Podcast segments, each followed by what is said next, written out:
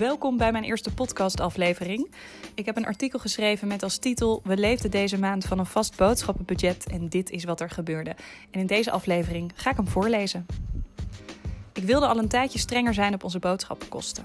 Er zijn maanden waarin ik wel 700 euro uitgeef aan eten en drinken. En met onze financiële toekomstdromen in het achterhoofd zouden deze kosten echt minder moeten. Ik stelde mijn boodschappenbudget voor deze maand in op 500 euro.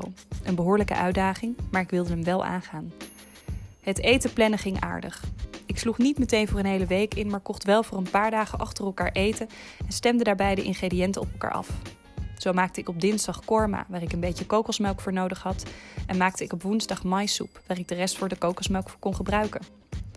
Hetzelfde geldt voor lenteui. Ik schafte deze aan voor de tagliatelle en gebruikte ook nog een deel voor een mix met gebakken champignons voor de volgende dag.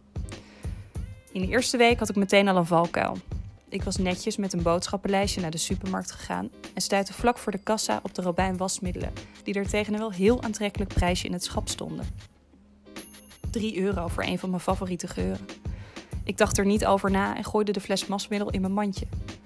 Eenmaal thuis aangekomen bleek dat ik nog ruim voldoende kleurwasmiddel had en dat ik daarmee makkelijk het einde van de maand had kunnen halen. Zo had ik dus eigenlijk onnodig 3 euro verspeeld. Een andere valkuil, of in ieder geval iets waar ik geen rekening mee had gehouden, was dat we vaak eters hebben.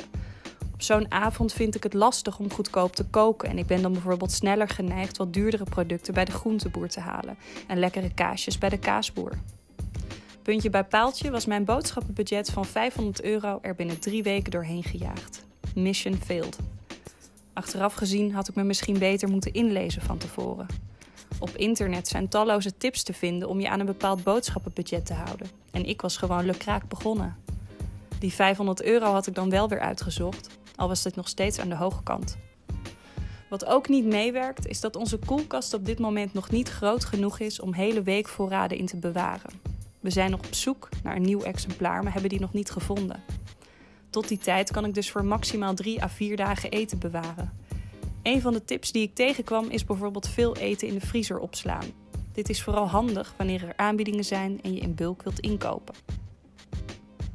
Ik vind het jammer dat het me niet gelukt is om me aan een vast boodschappenbudget te houden, maar ik weet nu wel waar de valkuilen zitten. Bovendien weet ik dat het voorbereiding kost, zoals mealplanning, een strikte boodschappenlijst, alles invriezen en meerdere supermarkten bezoeken om overal de beste deals te scoren. Het is niet zo dat ik voortaan ieder dubbeltje wil omdraaien om zo mijn kosten te beperken. Het moet wel leuk blijven natuurlijk.